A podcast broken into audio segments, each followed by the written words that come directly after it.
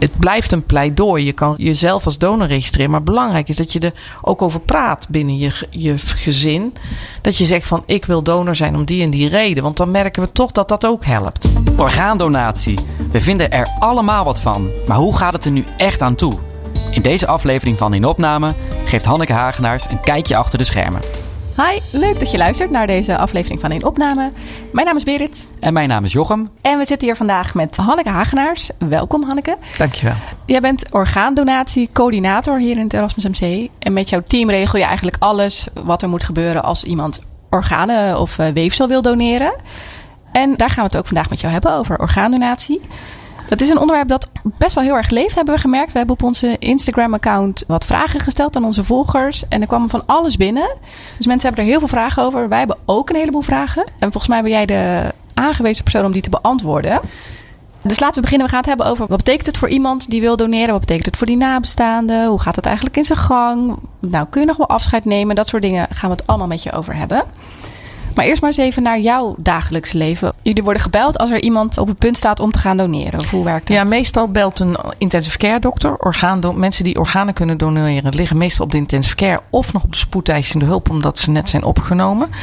En als blijkt dat er geen behandeling meer mogelijk is voor deze patiënt door bijvoorbeeld ernstig hersenletsel of een hersenbloeding, dan belt de arts ons om te overleggen. Die weten dat daar zijn protocollen voor. Uh, hij zal eerst het donorregister raadplegen. En dan bellen ze met ons en dan kijken we Komt deze patiënt in aanmerking voor donatie? Welke vorm van donatie is mogelijk? Daar zijn er twee van, daar komen we vast nog op terug. En ook uh, wat houdt dat in voor de logistiek? En uh, wat is belangrijk in het gesprek dat hij gaat voeren met de familie van de donor ja. over dit onderwerp? Ja. Ja, want wanneer komt de patiënt in aanmerking voor een donatie? Hij moet dus eigenlijk afhankelijk zijn van een beademingsmachine of van hele hoge zuurstofniveaus. Uh, uh, dus iets ja, waardoor je bloedsomloop nog in gang is. En dan wordt besloten door de artsen dat er geen behandeling meer mogelijk is omdat de hersenen niet meer functioneren bijvoorbeeld. En dan moet de arts bedenken, dit zou een donor kunnen zijn. En dan kijken we samen met de arts van, uh, zijn er redenen dat niet kan? Als mensen overlijden aan kanker, dan kunnen ze geen orgaandonor zijn. Dan kunnen ze oogweefsel doneren, dat is weefseldonatie. Mensen die enorme infecties hebben, waarbij alle organen ook meedoen daarin en niet goed functioneren meer, dat zijn geen donoren. Nee. En als ik het dan goed begrijp, dat zijn dan patiënten die bijvoorbeeld door een acuut ongeluk of door een hersenbloeding of iets in het ziekenhuis terechtkomen. Die, die kunnen dan orgaandonor zijn. Dus Ja. als je op slag overlijdt bijvoorbeeld tijdens een auto-ongeluk, dan niet? Nee, want dan als je hart al is gestopt en je bloedsomloop, ja, dan redden we dat niet meer. Dan gaan die, als je hart niet meer functioneert en er is geen bloedsomloop, dan zijn je organen binnen enkele minuten functioneren ook niet meer. Dus ze moeten nog doorbloed zijn. En dat helpt door bijvoorbeeld een beademingsmachine, die zorgt dat er zuurstof in het lichaam komt nog en naar de organen gaat. Ja. En dan blijft het hart ook pompen en dan blijven de organen goed. Ja, want als dat stopt, dan zijn de organen die, die, die blijven Kun je dan niet meer uh, gebruiken. Nee. Nee, Nee, want die term hersendood die hangt altijd heel erg rondom orgaandonatie, voor mijn gevoel. Kun je het verschil uitleggen tussen zijn patiënten altijd hersendood? Wat is hersendood? Ja, nou, de mensen die binnenkomen met een hele ernstige hersenbloeding of een hersenletsel. En wat ook een hele grote groep is, zijn mensen die gereanimeerd zijn, bijvoorbeeld vanwege een hartinfarct. En die reanimatie die slaagt in die zin dat het hart weer op gang is gekomen. En ze liggen dan op de intensive care. En dan blijkt toch na een paar dagen, daar is ook weer een, een regelgeving voor. Dan blijkt na een paar dagen dat de hersenen toch niet meer functioneren. Door de zuurstoftekort die is ontstaan tijdens die reanimatie. En die hartstilstand. En ook bij die groep zullen ze niet verder kunnen behandelen. Want als je hersenen niet functioneren, dan kan je niet zelf ook meer Nee. functioneren. En dat is ook een hele grote groep. En wat is dan hersendood? Die mensen zijn meestal dan dus diep comateus. Maar het verschil tussen diep comateus en hersendood is dat bij hersendood alle hersenstamreflexen zijn uitgevallen. Je kan pupillen doen het niet meer. Je reageert niet meer op pijnprikkels. Je kan niet meer hoesten. Je kan niet meer ademen. Je hersenstam regelt dat je ademt. En als die hersenstam het niet meer doet, dan zien wij, kunnen we onderzoeken, dat je niet meer kunt ademen en hoesten. Ja. Dat zijn de belangrijkste wel eigenlijk, wat je het best ook kan uitleggen. Ja. Komt nog meer bij kijken. Dus je maar- ademt alleen maar omdat je beademd wordt. ja, dus je ademt niet zelf, maar Nee. die beademingsmachine blaast lucht bij je in je Ja. longen. Waardoor je zuurstof binnenkrijgt en je organen blijven functioneren. ja. En dan heb je ook nog, uh, dat is hersendood. En je hebt ook nog circulatiedood. Wat is Ja. dat dan? Ja, als iemand niet hersendood is, omdat al heeft hij maar een, een minimale ademprikkel of hoesprikkel, dan mag je niet iemand hersendood verklaren. Is heel streng geregeld in Nederland. Is ook heel zorgvuldig. Als hij dan toch nog die prikkel heeft, maar de rest van de hersenen functioneren niet meer, ja, dan is het ook niet met leven verenigbaar. En dan weet men ook wel dat de kans heel groot is dat als je die apparatuur uitzet die nog het leven nu rekt, in stand houdt, dat dan de patiënt ook snel zal overlijden, omdat hij het niet alleen kan. En als er toch geen behandeling meer mogelijk is, dan is in Nederland een arts verplicht om die levensrekkende behandeling te stoppen. En ook als je de behandeling stopt en de patiënt krijgt een hartstilstand, dan kunnen we daarna ook naar de operatiekamer om die organen uit te nemen. Ja. En in welk moment van dat hele proces komen ze nou dan bij jou terecht? Nou, op het moment, eh, de, de arts belt ons en als we eruit zijn van dit zou een mogelijke donor kunnen zijn, deze patiënt, dan gaat die arts in gesprek met de familie van de patiënt. En dan hangt het van de registratie van de patiënt het donorregister af. Hoeveel de familie dan eigenlijk inbreng heeft. Als iemand heeft geregistreerd bij leven, dus dat hij toestemming geeft voor orgaandonatie, dan gaat de arts hem dat uitleggen dat dat mogelijk is en dat ze dat graag willen gaan eh, regelen. En dan hoort hij de familie aan van, goh, hoe staan die daarin? Hè? Wisten ze ervan dat hij in het donorregister stond? Hebben ze er wel eens over gesproken? Dat is ook weer een heel eh, gesprek wat heel veel zorgvuldigheid vraagt. En als de familie eh, akkoord is of instemt, want eigenlijk hebben ze wettelijk dan niets te zeggen, dan eh, belt hij ons en dan komen wij in huis. Ja. Dan komen wij naar dat ziekenhuis toe. Want is het nou ook zo, hè, stel je bent bij leven, heb je aangegeven orgaandonor.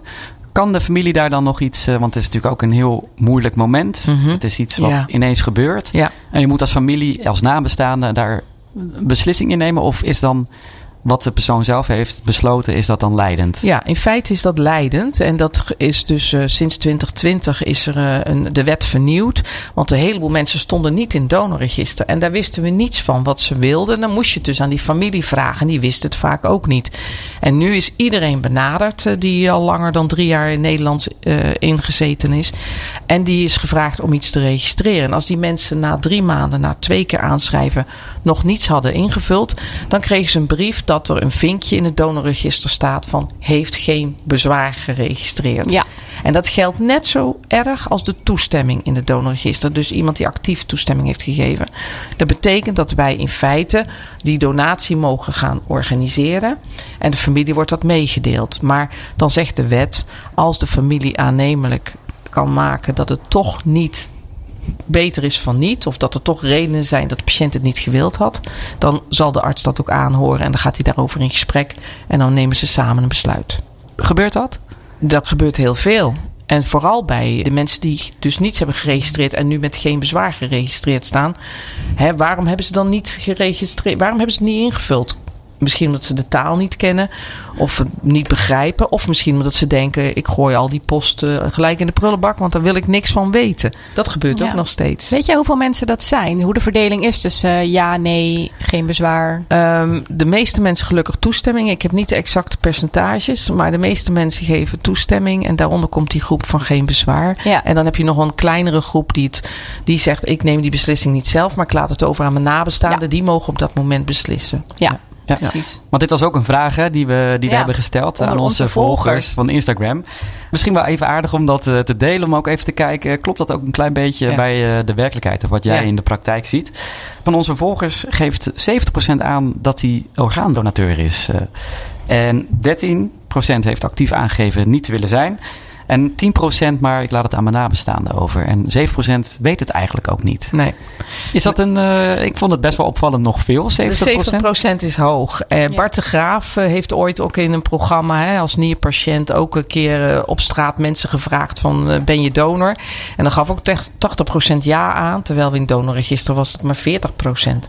Oh, dus ja. eh, het, het ja, zeggen ik ben donor en het ook werkelijk hebben vastgelegd, dat komt blijkbaar nog niet helemaal. Nee, Oké. dus dat is meer ook het, mo- het, het momentum of zo. Dat het Ja. sociaal wenselijk antwoord misschien is. Misschien is het dat. Of onze volgers zijn misschien zo betrokken bij... Ja. Ja, ja. Dat, die kans is ook wel groot, denk ik. Ja, Nou. dat is waar, ja. Oké. Ja.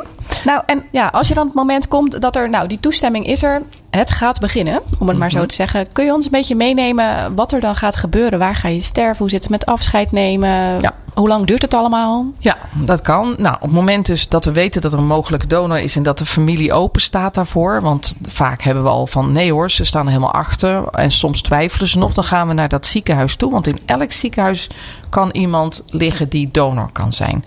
Dus we gaan naar dat ziekenhuis toe. En we gaan even met de arts en de verpleegkundige natuurlijk even kijken hoe is het met de patiënt. Is die nog wel stabiel? Want als je een hele lage bloeddruk en zo hebt, moet je dat wel opvangen. Anders krijgen die organen weer te weinig zuurstof en stoffen. En dan gaan we zeker ook in gesprek met de familie van de donor. En eh, ja, dat doe ik het liefst altijd dat ik de verpleegkundige meeneem. Soms gaat de arts ook mee, dan heb je die continuïteit. En dan gaan we een heel gesprek aan. We gaan uitleggen wat is er allemaal mogelijk.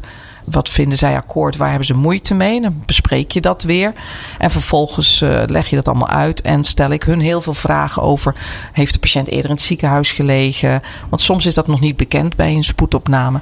Eh, heeft hij gerookt? Heeft hij veel alcohol gedronken? We lopen een hele rij na, langs qua gezondheidszaken.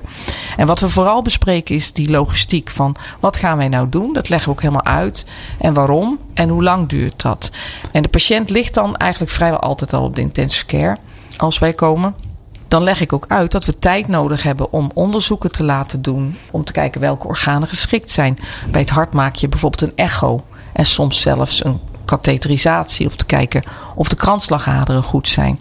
Je maakt voor de longen een longfoto, een scan. Maar ook een bronchoscopie. Dat ze in de beademingsbuis een buisje inbrengen om te kijken naar de longen. En voor de buikorganen maken we ook een echo of een CT-scan. Eh, bloedonderzoek, urineonderzoek. Er komt heel veel bij kijken om te beoordelen of het orgaan goed is. Dat kost tijd. Ja. Die artsen hebben meer patiënten. Moeten tussendoor ook voor ons komen naar de intensive care. Die gegevens sturen we in een database. Dus moet heel veel tikwerk voor ons. En die gaat naar Eurotransplant. De, internationale organisatie die de organen gaat eh, toewijzen op grond van de wachtlijst. Daar komen eigenlijk geen mensenhanden aan te pas. Hè. De mensen op de wachtlijst, degene die de meest urgent is, eh, het gaat op een puntensysteem, die staat bovenaan. En daar wordt als eerste dat orgaan voor beschikbaar gesteld. Maar dan wordt die arts gebeld van die patiënt op de wachtlijst van we hebben een, een hart of een lever voor uw eh, ontvanger. Die gaat dan kijken of dat goed matcht. We hebben dan al gekeken naar dezelfde bloedgroep.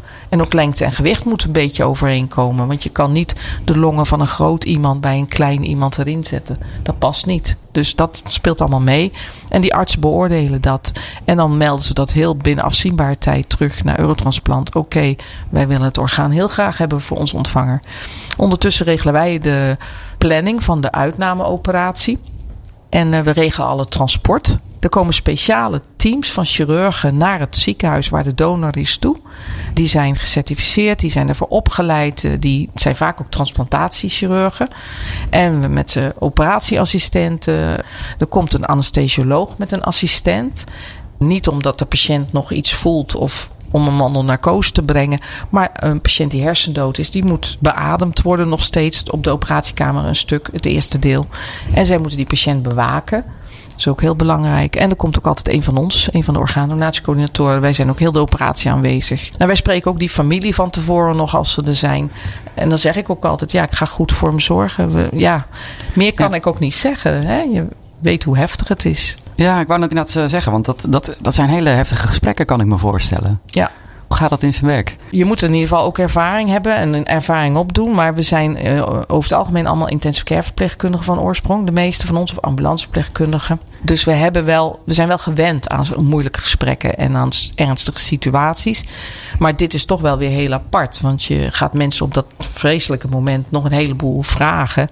En ze moeten heel veel geduld tonen, want het duurt lang. Het duurt soms wel 16 en soms nog wel 20 uur voordat we allemaal klaar zijn. Ja. En eh, dat moet je allemaal uitleggen. En daar heb je ja, wel bepaalde eigenschappen voor nodig, denk ik. Maar je kan het ook heel goed trainen door het veel te doen. En door veel te leren van, goh, wat is nou belangrijk? Eh, hoe gedetailleerd moet ik dingen zeggen of niet? Dat is ook per familie weer verschillend. Ja. Dus het is een kwestie van heel goed aanvoelen. Dat is, we trainen, trainen, trainen met psychologen en met Ja. elkaar. En, eh, ja. En wat gebeurt er? Dat speelt allemaal op de achtergrond voor die familie en voor die donor. Wat gaat er?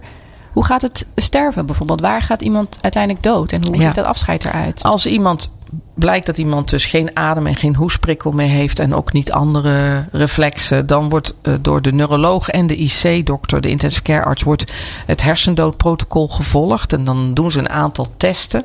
Dat leggen we ook allemaal uit. Soms kan de familie er deels ook bij aanwezig zijn, zodat ze zien wat er wordt gedaan.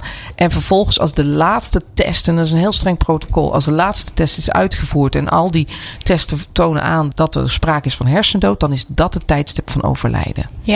En dat communiceren we heel goed met de familie. En we leggen ook uit, hij is overleden, want de hersenen zijn overleden. En dan ben je overleden, want dat is jouw mensheid. Maar hij blijft aan de bademingsmachine en hij krijgt medicijnen om zijn bloeddruk te ondersteunen. Totdat we op de operatiekamer de organen uitnemen. Dus dan overlijdt iemand op de intensive care. Ja.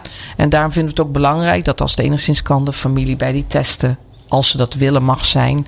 Zodat ze eigenlijk toch bij het moment van overlijden zijn, hoe technisch dat eigenlijk ook is. Ja, en, dat, uh, dat zie je dus niet. Er verandert niet, niet, iets aan iemand. Nee, nee, dus nee. We doen de laatste test. is een test om te kijken of iemand nog een ademprikkel heeft. Ja. En dan koppelen we hem onder heel gecontroleerde omstandigheden los van de beademingsmachine. Dat hij even zelf moet, zou moeten ademen. Dan zie je dat hij dat niet doet. En dat zien zij dan ook. Okay. En dat duurt een aantal minuten, die test. En als dat heeft aangetoond dat iemand niet gaat ademen, dan koppel je hem weer aan die machine. En dan zie je eigenlijk niks aan het uiterlijk. Hij blijft ja, van kleur, roze, bruin. Borstkast blijft op en neer gaan. En hij voelt warm aan. Ja. In tegenstelling tot iemand die echt dood is. Deze is ook dood. Maar die hard dood is, die wordt koud en uh, verkleurd. En Wat- is heel stil.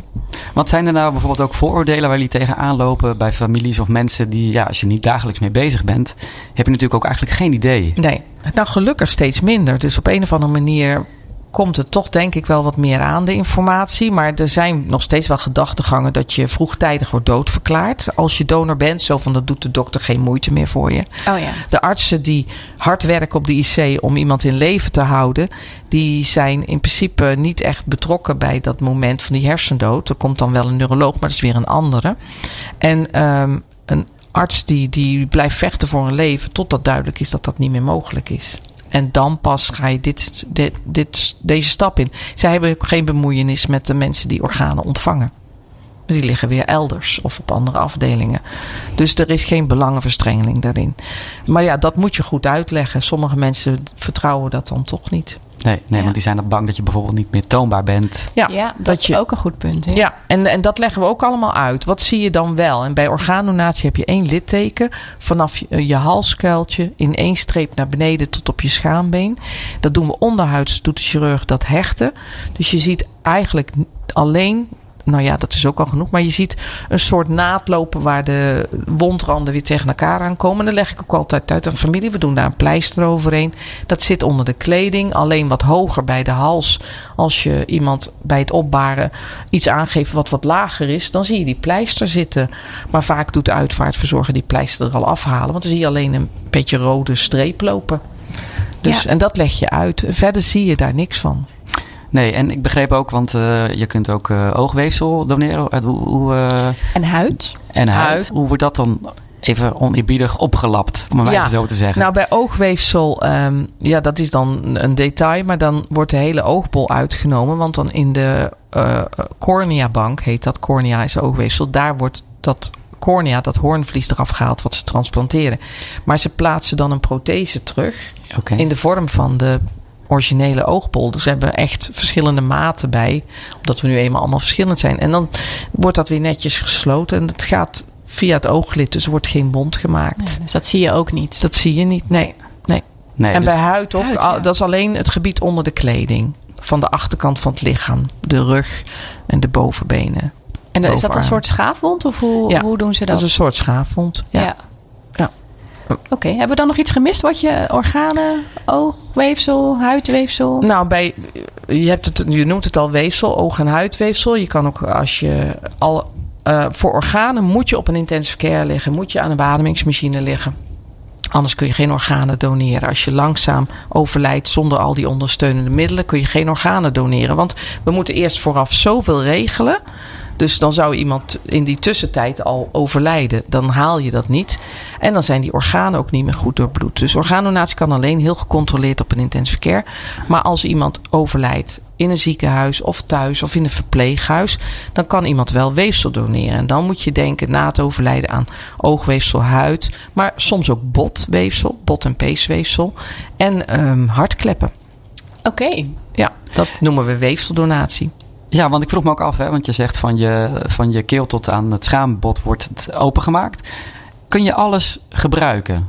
Altijd. Altijd. Als het geschikt is. Als het, maar alle organen zijn in principe. Ja, we hebben wachtlijsten en, uh, en we doen van tevoren dus kijken of er een ontvanger is voor, voor dat orgaan. En, en als er geen ontvanger is voor dat orgaan, dan nemen we dat orgaan ook niet uit. Want hoe lang duurt zo'n donatieproces? Je zei net al, dat duurt echt wel wat langer. Het is niet dat het in twee uur gebeurd is, hè? Nee, nee. En zeker vanaf het begin dat de arts met de familie praat van dit is mogelijk en wij willen dat doen. Gaan jullie daarin mee? Totdat alle organen zijn uitgenomen en dan brengen we de donor inmiddels is de patiënt een donor dan. Brengen we terug naar de intensive care, waar hij nog even naar zijn kamer gaat, zodat de familie er weer bij kan. Daar zit dan minimaal 12 uur als we snel zijn. Bijvoorbeeld alleen als er nieren worden gedoneerd, kunnen worden gedoneerd. Maar het kan ook 24 uur duren.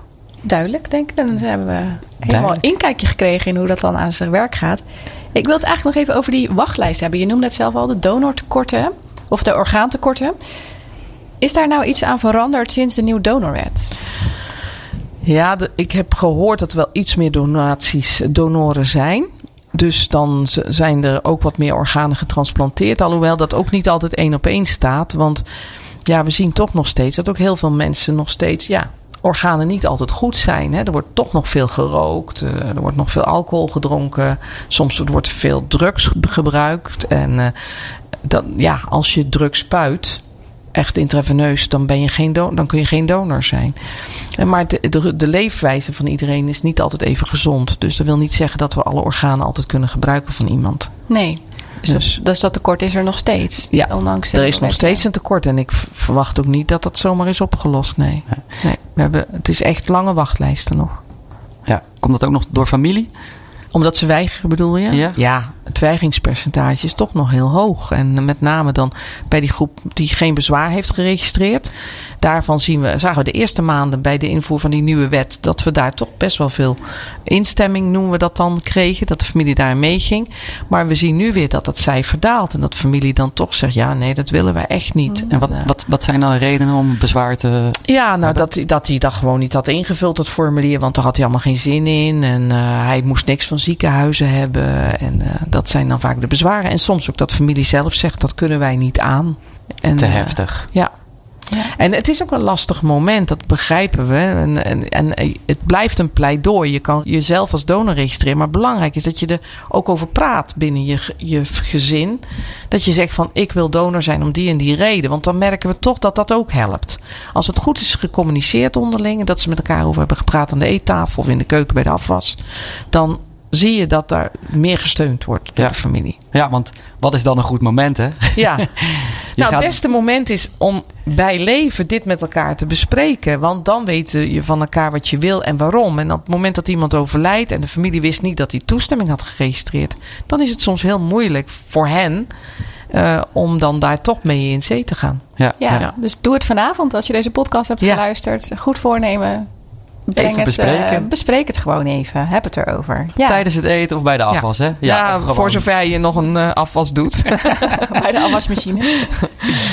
nou, precies. Misschien ook wel een goed bruggetje naar uh, de, de, de laatste, het laatste stukje van deze podcast. Het, het, volgens mij zijn er ook onwijs veel vooroordelen of zijn er ook veel dingen die niet echt bekend zijn uh, over orgaandonatie. We hebben een aantal stellingen voorgelegd aan onze volgers van uh, Instagram. Zullen we die gewoon eventjes uh, doorlopen? We hadden een uh, drietal stellingen hebben we voorgelegd. Mm -hmm. um, de eerste is, na donatie ben je niet meer toonbaar. We hebben het net al een klein beetje besproken. Uh, de tweede is, nabestaanden mogen geen afscheid meer nemen. En de derde is, na je zestigste kun je niet meer doneren. En de laatste optie was, alle stellingen zijn onjuist. Nou, 92% heeft die laatste ingevuld. Oh, wat goed. Ze zijn behoorlijk goed bij. Want Hanneke, ja, volgens mij uh, klopt dat allemaal niet, hè? Nee, uh, afscheid nemen, super belangrijk dat we dat bespreken. Um, mensen mogen bij hun patiënt, bij hun familielid zijn tot we naar de operatiekamer gaan. Een enkeling vraagt wel eens of hij mee mag, maar dat moet je echt niet willen. Ik bedoel, we doen het allemaal heel netjes en zorgvuldig, maar dat is toch altijd heftig een operatie. Maar ze mogen blijven tot we naar de operatiekamer gaan. En als we klaar zijn, dan spreken we van tevoren af, ligt ook aan het tijdstip. Dan bellen we even van, oké, we gaan weer terug met hem naar de intensive care. Dus jullie zijn weer welkom. En dan kunnen ze er weer bij zijn. Ja, en toonbaar vertel je net al, dus dat wordt helemaal gedaan. En er is ook geen leeftijdslimiet. Nee, nee, nee. En dat ligt er wel aan of je een, een donatie doet bij hersendood of na hartdood. Daar zit echt wel leeftijdsverschil in. Want bij hersendood zijn de organen tot op het laatst door bloed. En is de kwaliteit nog net wat beter dan die andere vorm. Hoewel we daar ook heel goed gaan, omdat we allemaal nieuwe ontwikkelingen hebben. Nou, het maakt dan niet uit of je 35 Nee. of 65 nee, bent. Nee. We- sterker nog, we hebben geen leeftijdsgrens. Nee. Ik wou zeggen, kinderen. Ja, kinderen kunnen ook donor zijn. Eh, volgens mij is het jongste kindje hier in Nederland drie weken oud geweest. En dat is heel jong. Dan kan je bijvoorbeeld alleen je lever of je hart doneren. Dat, eh, dat, niet alle organen, dat is nog niet goed volgroeid. En dan niet onmogelijk. Maar eh, kinderen kunnen zelfs vanaf 12 jaar zelf al iets registreren in het donorregister als ze dat willen. Er zijn scholen die dan al het onderwerp behandelen. Dan kunnen ze zich al registreren, maar de ouders hebben tot 16 jaar het recht om dan toch te zeggen: ja, dit wil hij wel graag, maar wij willen dat niet. Maar zegt een kind: ik wil geen donor zijn? Nee is altijd nee. Oké. Dus iedereen kan donor zijn. Iedereen. Ongeacht je leeftijd. Ja, Ja. het hangt echt af van je medische situatie en waar je gaat overlijden. Oké, oké. De volgende. Ja, dat is een vraag. Wat wordt er nou het meest gedoneerd? Zijn dat de, de nieren, het hart, is dat oogweefsel of de huid? Ja, nou, ik denk het oogweefsel, want eh, dat kan je in heel veel gevallen doneren. Dat kan dus ook als je thuis overlijdt of in een verpleeghuis, in een ziekenhuis. Daar kun je oogweefsel doneren. En eh, je, het kan ook bij mensen met kanker. Niet alle kankervormen, maar de meeste wel. Het kan ook bij mensen met verschrikkelijk ernstige infecties, waar je andere weefsels en organen niet kunt doneren, kan je wel oogweefsel doneren. Dat zijn bij de weefsels. En als je kijkt bij de organen, zijn het toch de nieren tot nu toe. Ja, want daar hebben we het ook nog niet over gehad. Maar volgens mij kun je een nier eh, bij leven doneren. Ja, klopt. Daar hebben we ook heel veel eh, in alle ziekenhuizen programma's van dat mensen bij leven een nier doneren aan ofwel een familielid ofwel aan een goede vriend, maar zelfs ook anoniem. Dat ze gewoon echt letterlijk bellen: ik heb een nier, ik wil die graag afstaan Ja. eh, aan iemand die hem hard nodig heeft. ja. Ja. En dat kan ook met je lever, hè, begreep ik. Ja, je kan, eh, dat doen we hier ook. En eh, in Groningen, daar doen ze een lever, dat noemen we splitten. Ja. En dan gaat de grote leverhelft naar een volwassene en de kleine leverhelft naar een kind. In Groningen doen ze levertransplantatie bij kinderen. Hier in het Erasmus MC hebben we een programma waarbij de lever naar twee volwassenen gaat. En daar wordt die lever weer iets anders verdeeld, zeg maar. Ja, dus je kunt gewoon ook levend, kun je, je hoeft niet per se dood te zijn om donor te Nee, nee. Het, het is ook eh, heel succesvol. Want iemand die een nier doneert bij leven, dat is een gezond iemand. Daar wordt hij goed op gecontroleerd. En een donor na overlijden, ja, zegt het al, hij is overleden. Dus er is wel wat gebeurd waardoor hè, misschien die nier toch ook wat schade heeft. Maar goed, daar kijken we allemaal heel goed en heel kritisch naar. Maar het is ook wel heftig natuurlijk om een orgaan bij leven te doneren. Ja. Dus het kan ook niet altijd. Nee. Want blijft dat dan bij nieren en levers of zijn er nog meer dingen? die- Eh, ja, er zijn wel programma's in het buitenland waar mensen een long of een deel van een long doneren. Maar dat doen we in Nederland eh, niet. Dat is ook wel heel zwaar. ja, klinkt heftig. Ja. Nou, dat waren in ieder geval de stellingen. We hadden ook nog een, eh, wat vragen binnengekregen. Eigenlijk zijn zo bijna alle vragen beantwoord. Op een aantal na, die ik je nog graag wilde Mhm. voorleggen. Dat is eh, onder andere deze. Welk orgaan is nou het moeilijkst te verkrijgen en waarom? Wat snel toch last heeft van het, de ziekte van de donor, zeg maar, van het gebeuren. En van, van het feit dat ja, iemand soms lage bloeddruk heeft gehad. Is toch vooral, denk ik, de alvleesklier. Oké. En eh, dat, dat is een kwetsbaar orgaan ook. En eh, ja, dus dat kan ook niet altijd. Eh, de leeftijdsgrens ligt daar ook wat lager dan bij de andere organen. Eh, het hart, ja, daar zit ook echt wel een grens van 70 jaar aan bij iemand die hersendood is. En pas sinds anderhalf jaar kunnen we het hart ook doneren en transplanteren bij een donor die dus na hartstilstand overlijdt. En dat is nog in een onderzoeksfase, maar dat gaat wel heel goed. Maar dat, dat is ook uitgebreid het nieuws geweest vorig jaar. Ja. Dus daar zaten ook wel veel beperkingen aan. Dus Ja. alvleesklier en het hart zijn de meest kwetsbare. Nou, kwetsbaar organen. zijn wat moeilijker. Die hebben wat meer begrenzingen. En eh, we moeten ook niet vergeten darmdonatie. Dat komt nog niet zoveel voor. En ook dat, ja, dat, daar zijn eh, bepaalde groepen ontvangers voor. Maar ik heb het zelf nog maar net één keer meegemaakt in een lange carrière zelf. Maar dat eh, gebeurt ook. Maar dat is ook wel ingewikkeld, ja. Oké. En zijn dat, zijn dat ook de organen waar de wachtlijst het langst voor is? Nee, bij Ja. darm niet, omdat dat wat minder vaak eh, vraag naar is. Ehm, en bij de alvleesklier is zeker ook een eh, wachtlijst. En, eh, en dat zijn ook vaak toch wat jongere mensen, jonge volwassenen met ernstige diabetes, Oh. suikerziekte. Die heel veel insuline moeten spuiten bijvoorbeeld. En eh, ja, we hebben voor alle organen lange wachtlijst eigenlijk. Dus er valt Ja. weinig af te grenzen. Ja. Nee. Het is een beetje in vraag en aanbod zit een beetje daar in dezelfde ranking. Oké. Ja, en iemand wilde nog weten of je bij eh, bepaalde medicatiegebruik eh, kunt doneren.